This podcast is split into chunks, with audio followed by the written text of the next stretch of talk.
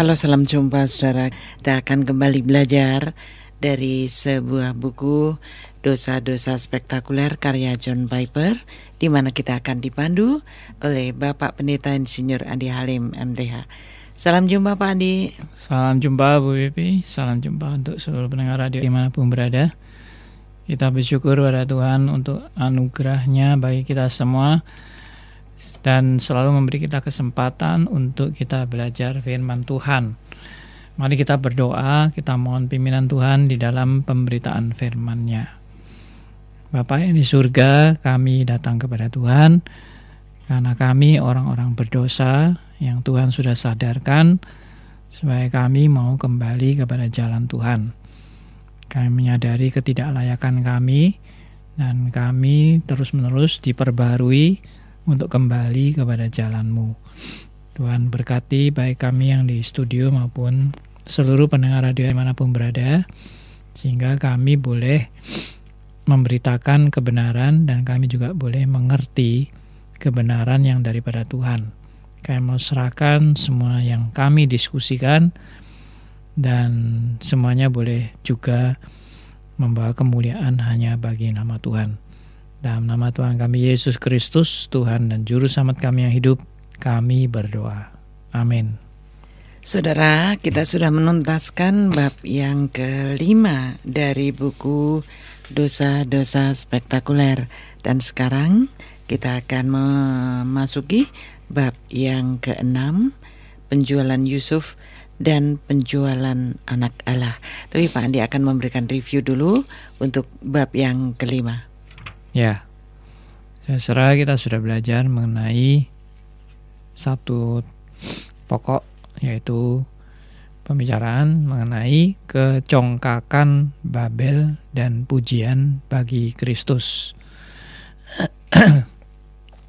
Penulis buku ini yaitu John Piper menguraikan mengenai uh, betapa sebetulnya uh, kejadian di Menara Babel itu adalah hal yang sebetulnya jelek ya yaitu kesombongan manusia dan dan uh, manusia yang mau melawan Allah.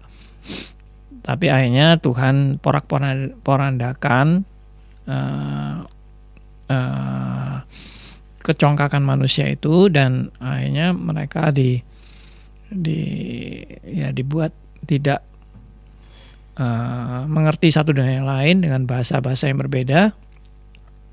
Dan akhirnya mereka terpencar di mana-mana tetapi itu justru untuk menggenapi rencana Allah. Di mana Allah uh, memang uh, mempunyai rencana untuk Injil diberitakan kepada uh, seluruh bangsa dan juga supaya manusia tidak membanggakan kecongkaannya tapi mau merendahkan diri dan uh, mau tak mau mengakui bahwa Allah adalah Allah yang berkuasa atas segala sesuatu. Nah, sekarang kita sudah masuk ke bab yang keenam, bagian keenam dari buku Dosa-dosa Spektakuler karangan John Piper yang sudah diterjemahkan oleh Momentum. Nah, temanya adalah penjualan Yusuf dan penjualan anak Allah. Nah, kita akan baca berapa ayat, uh, yaitu dari kejadian 11 ayat 4, kejadian 45 ayat 7, dan kejadian 50 ayat 20, kejadian 49 ayat 10, dan kejadian 11 ayat 8 sampai 9 akan dibacakan oleh Bu Pipi. Kejadian 11 ayat 4, Marilah kita dirikan bagi kita sebuah kota dengan sebuah menara yang puncaknya sampai ke langit dan marilah kita cari nama. Kejadian 45 ayat 7 Maka Allah menyuruh maka Allah telah menyuruh aku mendahului kamu untuk menjamin kelanjutan keturunanmu di bumi ini dan untuk memelihara hidupmu sehingga sebagian besar daripadamu tertolong. Kejadian 50 ayat 20 Memang kamu telah mereka-rekakan yang jahat terhadap aku tetapi Allah telah mereka-rekakannya untuk kebaikan. Dengan maksud melakukan seperti yang terjadi sekarang ini, yakni memelihara hidup suatu bangsa yang besar. Kejadian 49 ayat 10 Tongkat kerajaan tidak akan beranjak dari Yehuda ataupun lambang pemerintahan dari antara kakinya sampai dia datang yang berhak atasnya. Maka kepadanya akan takluk bangsa-bangsa. Kejadian 11 ayat 8 dan 9. Demikianlah mereka diserahkan Tuhan dari situ ke seluruh bumi dan mereka berhenti mendirikan kota itu. Itulah sebabnya sampai sekarang nama kota itu disebut Babel. Karena di situlah dikacau balaukan Tuhan bahasa seluruh bumi. Ya, saudara, kita bisa melihat eh, bagian-bagian uh, ayat ini dan judulnya adalah bagaimana keselamatan muncul dari perbudakan. Saya akan bacakan bagian ini, kisah kejatuhan dan kebangkitan Yusuf melalui dosa-dosa saudara-saudaranya dan kedaulatan Allah penuh dengan pelajaran, dengan cara-cara Allah, dan apa yang tampaknya merupakan jalan-jalan yang menyimpang di dalam kehidupan kita. Salah satu ucapan paling terkenal dari Alkitab ada di dalam cerita ini. Ucapan ini telah memberikan terang dan penghiburan bagi ribuan tragedi. Memang kamu telah mereka-rekakan yang jahat terhadap aku, tetapi Allah telah mereka-rekakannya untuk kebaikan. Kata kamu di dalam kalimat itu bisa siapa saja yang melakukan sesuatu yang menyakiti Anda, bahkan iblis sendiri.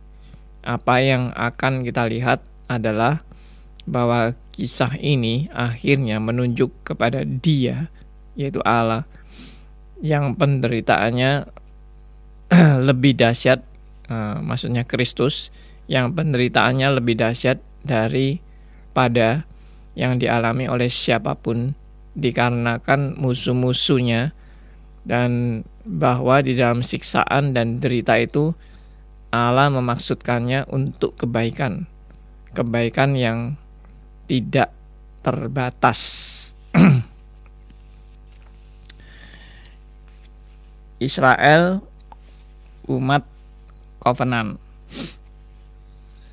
Sebelum kita melihat bab-bab terakhir kitab kejadian dan menceritakan kembali kisah Yusuf dan dosa spektakuler saudara-saudaranya dan tujuan globalnya bagi kemuliaan Yesus Kristus, mari kita kembali ke kejadian 12. Allah telah memilih Abraham dari semua bangsa di dunia ini dengan anugerah yang cuma-cuma dan Allah tidak berutang apa pun kepadanya. Di dalam Kejadian 12 ayat 2 sampai 3 Allah berjanji kepada Abraham demikian. Aku akan membuat engkau menjadi bangsa yang besar dan akan memberkati engkau serta membuat namamu masyur dan engkau akan menjadi berkat Aku akan memberkati orang-orang yang memberkati engkau dan mengutuk orang-orang yang mengutuk engkau dan olehmu semua kaum di muka bumi akan mendapat berkat.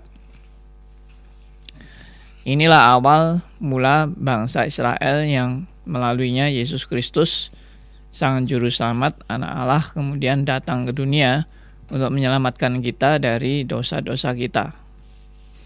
400 tahun. Kemudian di dalam pasal 15 Allah membuat covenant resmi dengan Abraham ia menggunakan suatu, satu tindakan simbolis yang luar biasa dan beberapa kata yang mencengangkan. Ia mengatakan pada Abraham di dalam Kejadian 15 ayat 13 sampai 16. Ketahuilah dengan sesungguhnya bahwa keturunanmu akan menjadi orang asing dalam suatu negeri yang bukan kepunyaan mereka dan mereka akan diperbudak dan dianiaya 400 tahun lamanya. Tetapi bangsa yang akan memperbudak mereka akan kuhukum. Dan sesudah itu mereka akan keluar dengan membawa harta benda yang banyak.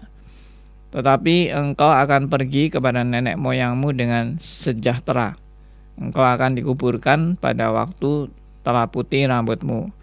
Tetapi keturunan yang keempat akan kembali ke sini, sebab sebelum itu kedurjanaan orang Amori itu belum gelap, belum genap. Jadi sejak awal hubungan covenantnya dengan umat pilihannya, Allah terlebih dahulu telah menubuatkan bangsa Israel akan tinggal selama 400 tahun di Mesir dan kemudian kembali ke tanah perjanjian.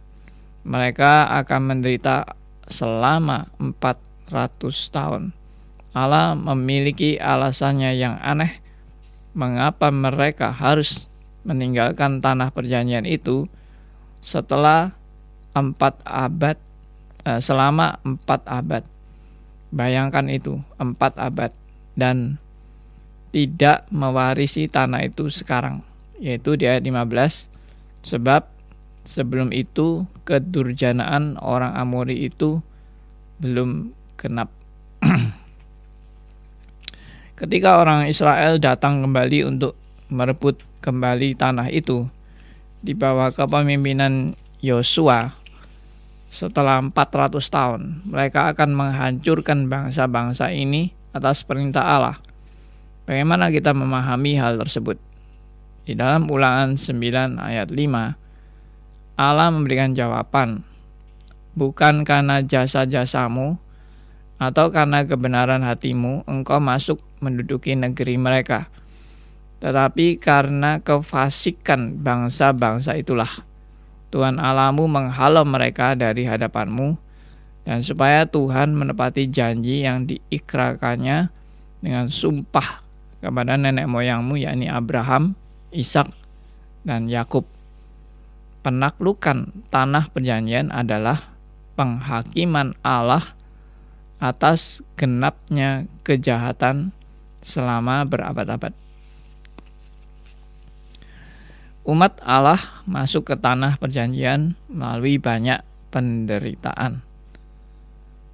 Sementara itu, Allah mengatakan bahwa umatnya akan menjadi pendatang di tanah yang bukan milik mereka, yaitu Mesir, dan akan menderita selama 400 tahun. Jadi, ada rencana Allah bagi umatnya yang menjadi musafir, semacam gambaran bagi kehidupan kita di bumi sampai kembali ke surga.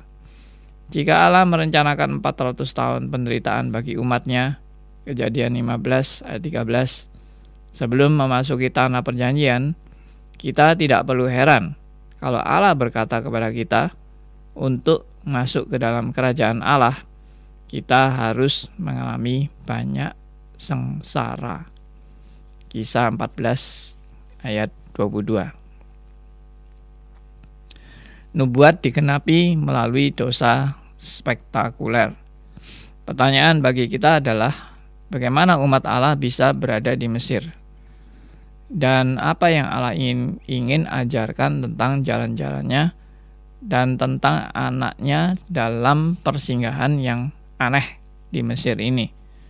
Jawabannya adalah bahwa Allah menggenapi nubuat ini melalui sebuah dosa spektakuler. Dan melalui dosa ini, ia memelihara kelangsungan hidup bukan hanya bangsa Israel, umat covenantnya, tetapi juga garis keturunan dari mana sang singa Yehuda akan datang untuk menyelamatkan dan memerintah atas bangsa-bangsa. Jadi hal-hal yang sangat penting dipertaruhkan di dalam kisah Yusuf. Ya, sampai sini dulu pembahasan kita dan akan dilanjutkan pada kesempatan berikut. Nah, saya simpulkan dari ayat-ayat yang tadi kita baca. Dan pokok-pokok uh, dari kejadian sebelum Yusuf peristiwa Yusuf ini. Yaitu uh, adanya satu uh, perjanjian ya. Adanya suatu perjanjian dan perjanjian ini adalah perjanjian Allah dengan Abraham dan perjanjian Allah dengan Abraham itu membuktikan bahwa perjanjian Allah itu bukan omong kosong.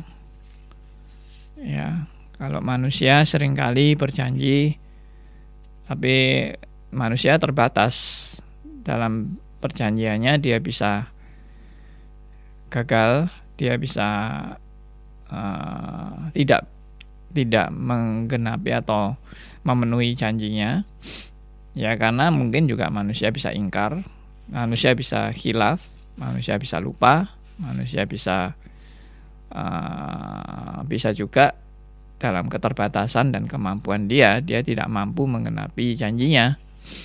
Ya, seperti misalnya janji bayar hutang. Ternyata pada waktu harus bayar uangnya habis. Dia tidak bisa bayar. Ya, atau janji mau mengadakan pertemuan, meeting. Tapi kemudian pada hari hanya tiba-tiba ada kecelakaan dan sebagainya. Jadi memang bisa batal perjanjian-perjanjian itu. Tapi kalau Allah yang berjanji itu Allah tidak pernah mengingkari janjinya. Kecuali janjinya itu bersyarat tapi janji ini bukan janji bersyarat janji ini adalah janji dalam rangka menggenapi rencana Allah sendiri bahwa Allah itu punya rencana akan menolak melalui Abraham akan menjadi satu bangsa yang besar. Tapi sebelum bangsa ini uh, menjadi bangsa yang besar dan bangsa ini menjadi berkat bagi semua keturunannya, akan terjadi kesengsaraan dan penderitaan bagi bangsa ini. Jadi ini sudah dinubuatkan sebelumnya bahwa Israel akan mengalami penderitaan dan dijajah atau diperbudak di Mesir selama 400 tahun.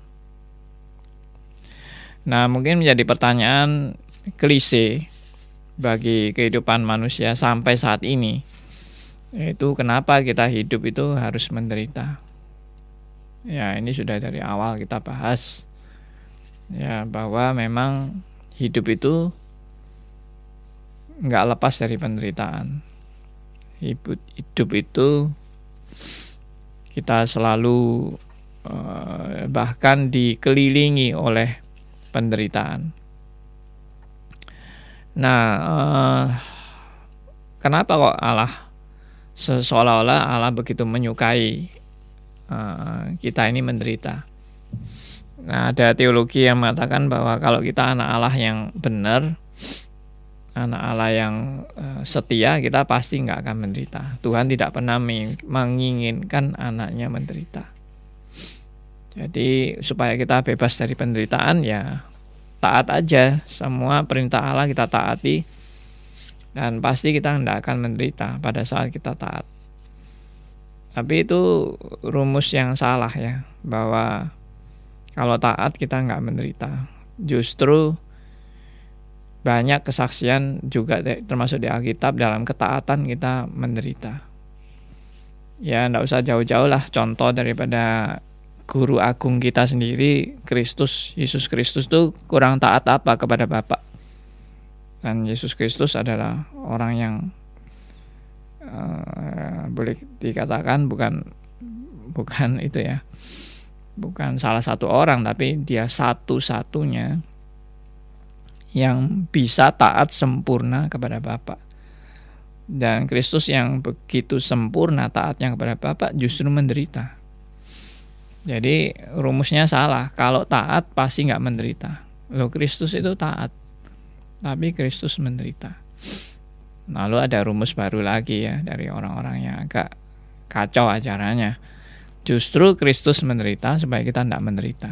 Nah, itu banyak yang banyak yang memanipulasi pengertian-pengertian ini dan dibelokkan arahnya.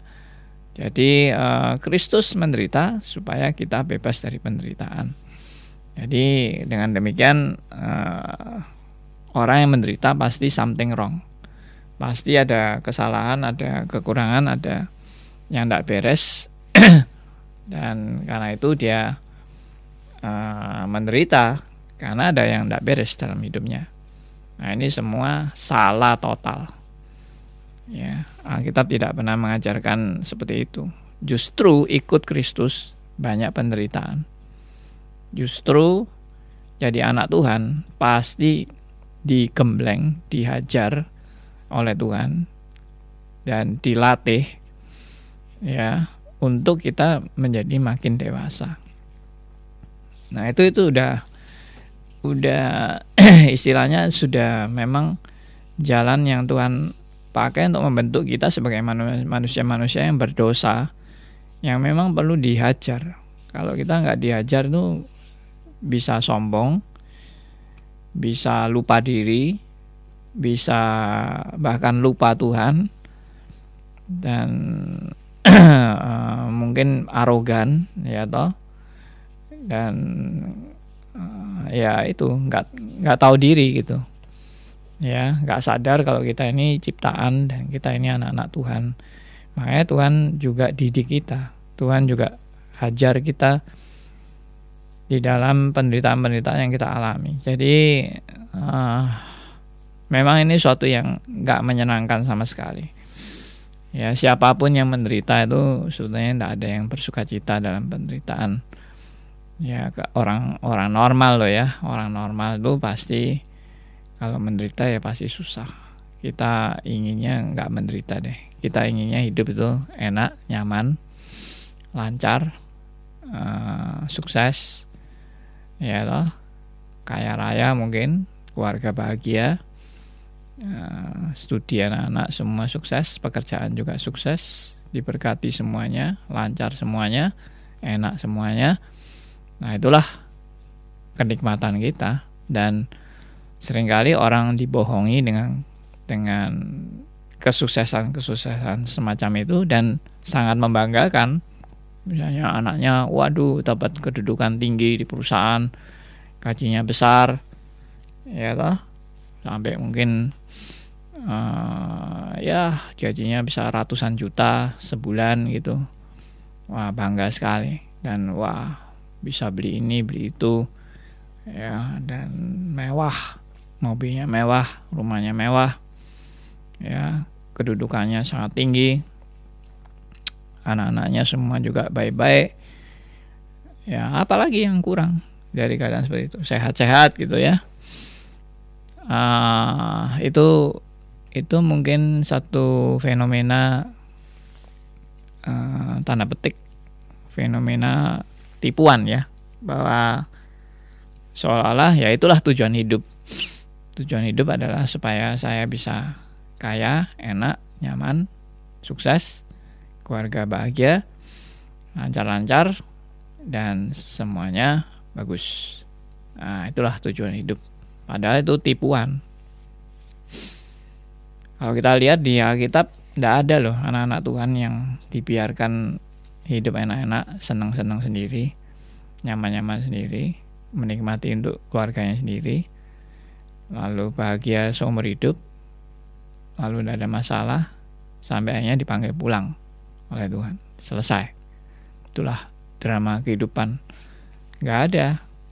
Yang ada di Alkitab adalah apa? Anak Tuhan itu dihajar, digembleng, ya toh, dilatih, dan imannya jatuh bangun, ya sampai boleh dikatakan terseok-seok gitu sampean ya kalau kita lihat Abraham itu kelihatannya wah kaya diberkati hidupnya enak gitu. Tapi Abraham juga mengalami pergumulan hebat luar biasa. Ya dan puncaknya dia harus mempersembahkan anaknya itu.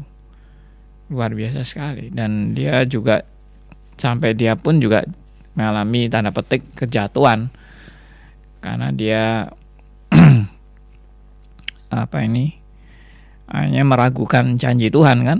Lalu Sarah nggak punya anak terus. Sampai sudah masa tuanya dijanjikan punya anak sampai dia tergoda ambil istri lagi ya agar ya dan akhirnya jadi musibah itu. Meskipun itu juga dalam tanda petik penetapan Allah. Ya tetapi itu adalah pergumulan Abraham jatuh bangunnya dia. Jadi siapa bilang jadi Abraham itu enak jadi Abraham tuh lancar-lancar kaya raya, diberkati, mulus hidupnya. Waduh, enggak loh. Sangat berat perjuangan Abraham itu dalam mengimani janji Tuhan. Yang sebenarnya nggak mungkin. Bagaimana Sarah bisa punya anak? Itu kan nggak mungkin. Tapi dia harus percaya. Dan dia harus bergantung pada perjanjian Allah. Ya, dan katanya keturunan seperti bintang di langit pasir di laut tapi anaknya nggak muncul-muncul bahkan hanya muncul munculnya cuma satu aja. Bagaimana satu ini bisa bintang di langit dan dan pasir di laut? Itu sudah Abraham tidak lihat sama sekali. Janji Allah itu digenapi. Pada waktu dia hidup dia tidak melihat itu. Dia cuma melihat ya semua janji Allah itu cuma janji aja yang dia tidak melihat penggenapannya ya itu tentunya kan latihan daripada Tuhan. Untuk tetap beriman tetap percaya pada perjanjian Allah. Nah ini yang saya tadi katakan Allah tidak pernah mengingkari janjinya. Dan janjinya itu digenapi dan bangsa ini juga benar-benar mengalami penderitaan. Ya selama 400 tahun Nah, ini adalah suatu siksaan yang gak enak yang uh, ya membuat pasti orang menderita bagaimana diperbudak sampai 400 tahun tuh rasanya gimana ya. Indonesia juga mungkin mirip-mirip ya dijajah oleh Belanda sampai berapa? 300 300 sekian tahun gitu ya. Nah jadi uh, cukup lama juga Indonesia dijajah dan mengalami banyak kesulitan, kesusahan. Tapi ternyata ada hikmatnya dijajah itu ya, ada hikmatnya. Jadi uh, tetap kita melihat bahwa ini adalah rencana Tuhan yang yang bukan bukan kebetulan atau bukan di luar rencana Tuhan, tapi di dalam rencananya ada sesuatu. Nah, demikian juga uh, uh, pembuangan bangsa Israel ini uh, di uh, perbudakan bangsa Israel di Mesir ini juga ada rencana Tuhan yaitu untuk memelihara suatu bangsa yang besar. Dan itu melalui Yusuf. Jadi uh, bukan berarti Yusuf yang berjasa, bukan. Tuh, Yusuf cuma dipakai aja jadi alat Tuhan untuk mengenapi rencananya memang. Jadi kenapa sampai nanti kita bisa lihat ya penderitaan Yusuf sendiri. Tapi ini kita lihat sebagai pendahuluannya. Jadi sebelum peristiwa Yusuf itu ada pendahuluannya. Pendahuluannya ya janji Allah kepada Abraham dan nubuat Allah bahwa akhirnya Eh, bangsa ini akan diperbudak sampai 400 tahun. Ya sampai akhirnya uh, masuk ke tanah perjanjian. Nah disebutkan juga tadi di Ibrahim ini bahwa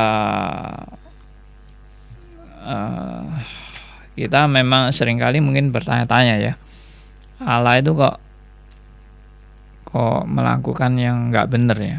Maksudnya nggak benar itu uh, bangsa Israel ini uh, kan sudah ngungsi gitu ke Mesir gitu. Sudah ngungsi ke Mesir. Lalu mereka uh, mau kembali ke tanah Kanaan tapi tanah Kanaan itu kan sudah jadi miliknya bangsa lain. Ya bangsa Kanaan maksudnya.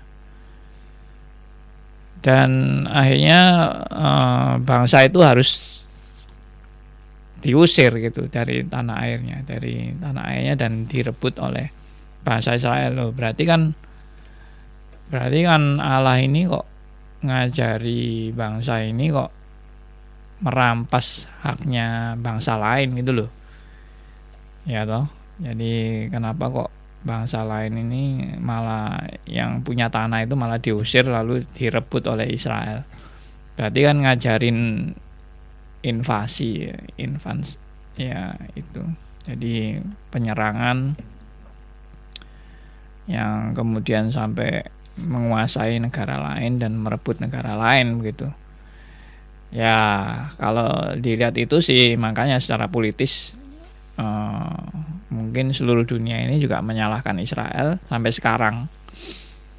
Karena dianggap Israel itu membuat bangsa uh, Palestina ini tidak punya tanah air gitu ya.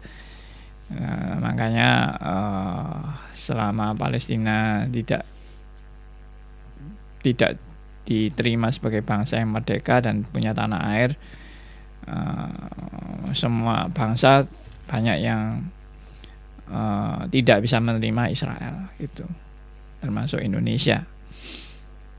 Uh, itu secara memang secara apa yang kita lihat dalam peraturan-peraturan hukum negara dan sebagainya ya itu sepertinya kan nggak benar. Di, di zaman di zaman ya, bangsa Israel yang dari Mesir ke Kanaan dan akhirnya merebut ya Jericho dan seterusnya itu kan sepertinya uh, itu apa merebut ya negara lain gitu merebut negara lain. Kenapa itu dibenarkan? Nah tapi di sini dijawab ya.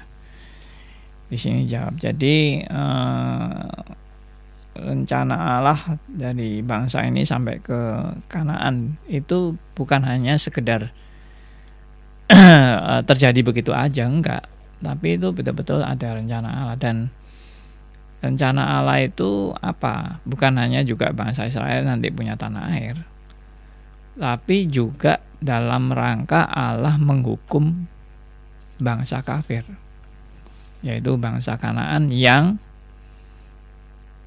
sudah memberontak kepada Allah ratusan tahun. Ya, jadi memang bangsa yang uh, bangsa yang menghina Allah, merendahkan Allah, bangsa yang tidak uh, menjalankan perintah-perintah Allah dan mem, mem, memberontak kepada Allah, Tuhan akan menghukum bangsa ini. Nah, jadi sebetulnya bangsa Israel sampai ke tanah Kanan itu juga dalam rangka salah satunya adalah menghukum bangsa kafir yang tidak mau takluk kepada Allah Sang Pencipta dan menginjak-injak kebenaran, menginjak-injak keadilan.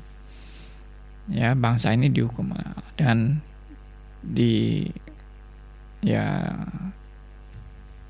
direbut dan diusir begitu ya ini suatu suatu sebetulnya kalau kita bilang wah itu Allah berarti merebut merebut tanahnya orang lain dong. Sebetulnya tidak juga. Kalau kita mau kembali sampai ke akar-akarnya ya yang punya tanah itu kan Tuhan. Karena Tuhan yang menciptakan langit dan bumi dan manusia semua itu hanya numpang aja di dunia ini kan. Jadi nggak bisa bilang yang punya tanah ini bangsa ini gitu. Yang punya tanah itu ya Tuhan dan Tuhan juga sudah janji kepada Abraham pada waktu Abraham di daerah tanah Kanaan itu dan menjanjikan bahwa bangsa ini akan kembali ke situ. Ya berarti itu sudah ada perjanjian antara antara Allah dengan Abraham dan dan memang tanah itu akhirnya setelah Israel, eh, Yakub dan semua keluarganya pindah pindah ke Mesir, maka tanah itu kan tidak istilahnya tidak bertuan gitu. Dan akhirnya memang dikuasai oleh bangsa-bangsa kafir. Dan akhirnya mereka kembali ke tanah itu. Jadi sebetulnya itu tanah itu juga sudah milik milik mereka sebelumnya. Cuma ditinggalkan tanah itu ditinggalkan dan dan menjadi miliknya bangsa lain akhirnya sekarang datang lagi dan direbut jadi sebetulnya itu juga kalau mau lihat asal usulnya itu juga uh, sudah milik mereka sebetulnya dalam perjanjian Allah dengan Abraham. Ya itu tanah milik mereka. Jadi semua ini adalah kalau kita lihat skenario daripada Allah ya rancangan Tuhan yang yang bukan kebetulan. Ya skenario Allah ini luar biasa sekali dari perjanjian cuma kepada satu orang Abraham dan kepada Abraham ini akhirnya diteruskan kepada Ishak kepada Yakub lalu kepada Israel lalu sampai Israel uh, apa ini keturunan Yakub pindah ke Mesir sampai Mesir jadi satu bangsa yang besar sampai akhirnya semua berbondong-bondong pindah melalui padang gurun selama 40 tahun dan masuk ke tanah Kanaan lagi. Ya, jadi ini semua adalah satu sejarah yang sebetulnya sangat luar biasa. Jadi Allah bukan Allah yang tidak ada rencana, ya. Allah bukan Allah yang tidak ada rencana.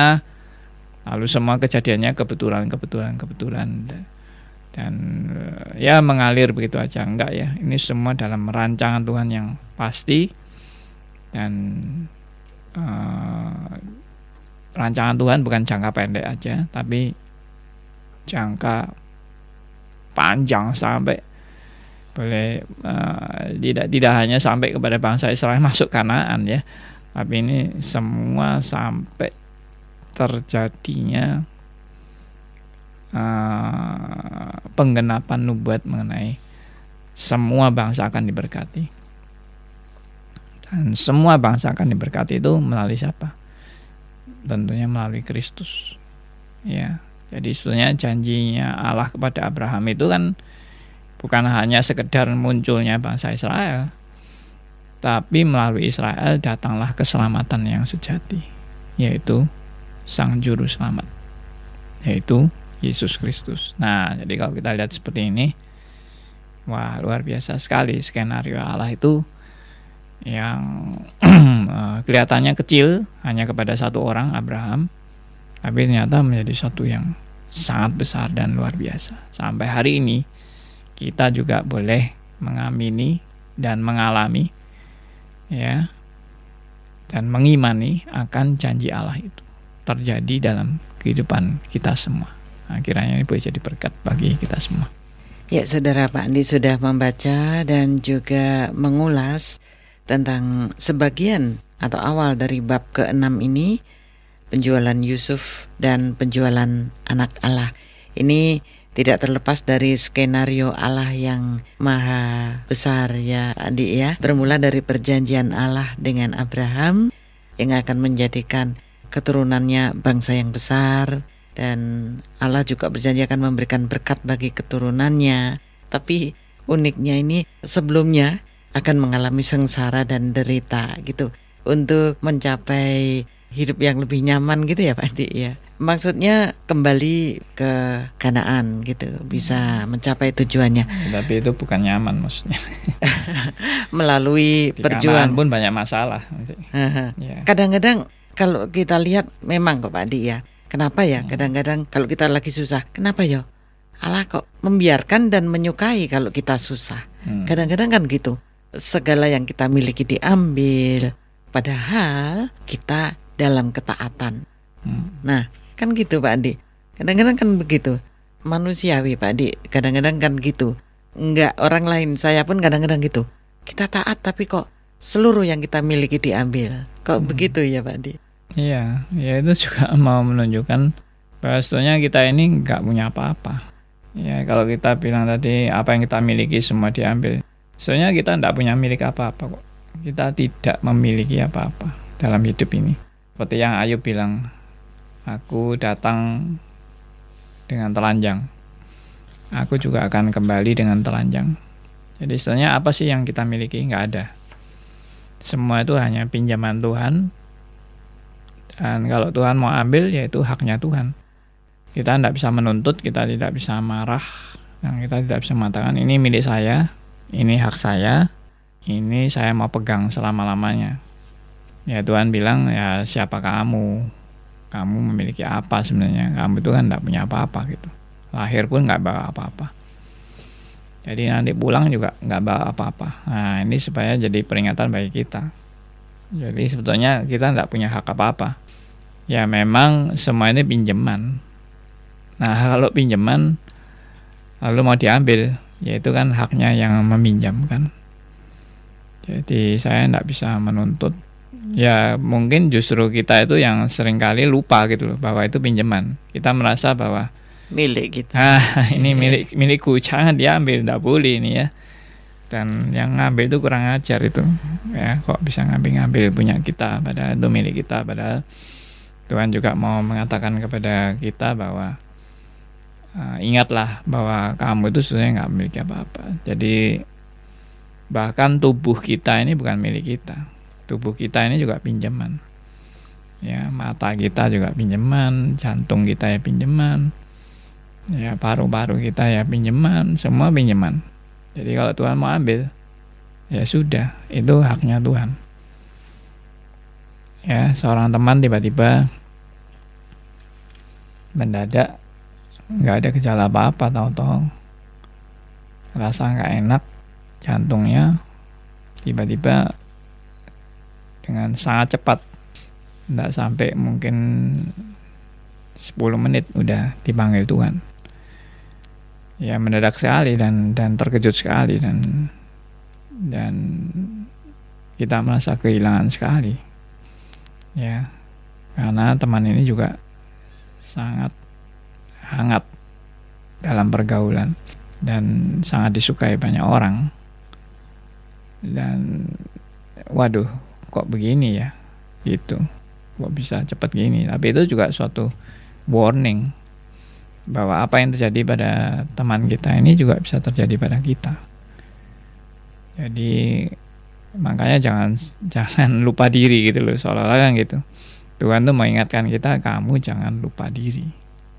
Kalau ada hal-hal yang diambil daripadamu, ya ingatlah kamu ini di dunia cuma mampir aja gitu. Nggak memiliki apa-apa gitu hmm. ya. Jadi itu didikannya ya Pak Andi ya. Diingatkan bahwa hmm kita nggak memiliki apa-apa kok yang memiliki itu Tuhan dan Betul. yang ngatur Tuhan gitu ya. Betul. ya. Kalau mau belajari tentang Yusuf ini juga menderita dulu tapi untuk rencana Allah yang besar hmm. gitu ya. Yeah. Dijual kayaknya kok aduh kok hmm. dibuat susah belum lagi jadi budak gitu ya. Hmm. Dibuat susah sengsara dulu tapi ternyata di balik hmm. itu rencana Tuhan yang besar untuk memelihara bangsa Israel ya Pak ya. Hmm. Saat, itu nanti kita bahas uh, uh, minggu berikutnya. Oke, okay. ini yang penting kita mengimani, tapi susah loh Pak Andi. Pada saat Tuhan janji pada Abraham aja, Abraham kan juga meragukan, pernah meragukan janji Tuhan. Kok nggak ngelahir-lahirkan ya? Janjinya akan keturunan yang besar, tapi cara kok nggak melahirkan kan berarti kan Abraham saja pernah ragu, ya kan Pak? Iya. Memang, makanya tadi saya bilang jangan menafsirkan Abraham tuh hidupnya enak-enak dan hidupnya sukses terus, nyaman terus, menikmati hidup dalam kekayaan, kelimpahan. Enggak, Abraham tuh berkumpul setengah mati. Karena dia menerima perjanjian Allah itu bukan dia senang-senang loh. Dia menerima perjanjian Allah itu dengan menderita luar biasa. Karena gimana ya dijanjiin keturunan itu tapi nggak ada keturunan gitu. Aduh rasanya sampai tua Allah ini kan ya. bohong atau gimana gitu. Allah ini cuma apa ngomong tok atau gimana ya. Omdo omong doang itu nah, gimana ini wujudnya nah sama seperti kita juga mungkin ya kita juga bisa ngalami musibah atau penyakit yang bahkan mungkin tidak bisa disembuhkan kalau kita bertanya-tanya pada Tuhan, Tuhan di mana? Nah, kasihmu itu di mana gitu. Katanya engkau mau mengasihi anak-anakmu. Kenapa bisa mengalami kayak gini gitu. Nah, itu semua adalah memang pelatihan Tuhan untuk kita mengerti uh, siapa kita, mengerti siapa Tuhan, dan mengerti untuk apa kita hidup di dunia ini dan dalam rangka apa kita hidup di dunia ini. Nah itu coba kita renungkan baik-baik. Karena kalau orang tidak merenungkan ini ya, ya itu tadi yang saya bilang lupa diri gitu. Kita jadi lupa diri, kita mungkin jadi orang yang arogan sekali ya. Bayangkan kalau seandainya hidup kita itu sukses terus. Dan apa yang kita mau terjadi terus ya. Apa yang kita inginkan selalu berhasil ya. Tidak ada yang tidak berhasil. Semua bisa. Bayangkan kita jadi orang apa kok gitu. Super. Ya pasti lupa diri. Kayak kacang lupa kulitnya itu ya toh. Dan orang yang uh, sudah mungkin sangat arogan sekali dan ya itu itu itu terjadi pada masa-masa lalu masa-masa kerajaan.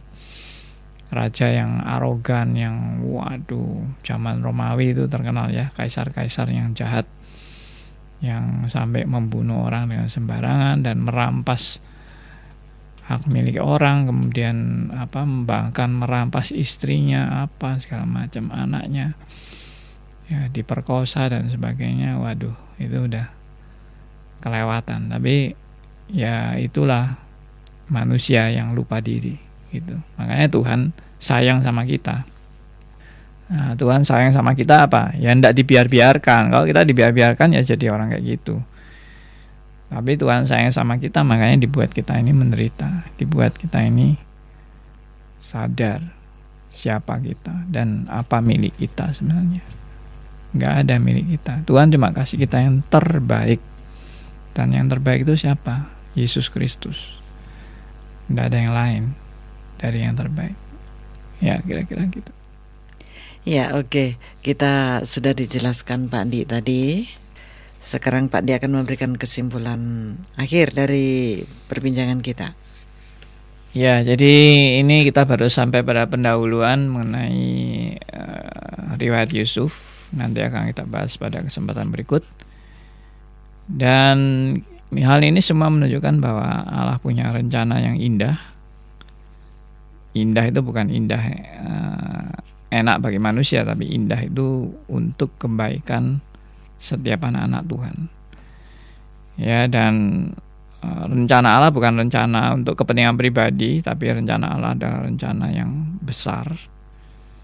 Rencana untuk menggenapi segala sesuatu demi kemuliaan bagi Allah kemuliaan bagi Yesus Kristus nah itu kita lihat dari awal buku-buku ini bahwa fokusnya itu dari seluruh penderitaan itu adalah kemuliaan bagi Kristus dan kebaikan bagi anak-anak Allah. Nah, biarlah ini kita bisa melihat uh, pada pembahasan-pembahasan berikutnya dan kita sungguh-sungguh diberkati oleh Tuhan. Mari kita berdoa. Bapa yang di surga, kami sungguh bersyukur berterima kasih karena anugerah baik kami kami boleh diperlihatkan satu skenario Allah yang luar biasa bagi kami orang-orang berdosa yang perlu dididik dan dihajar. Kami menyadari bahwa kami sering kali menjadi orang yang lupa diri karena itu kami memang perlu dididik dan dihajar oleh Tuhan.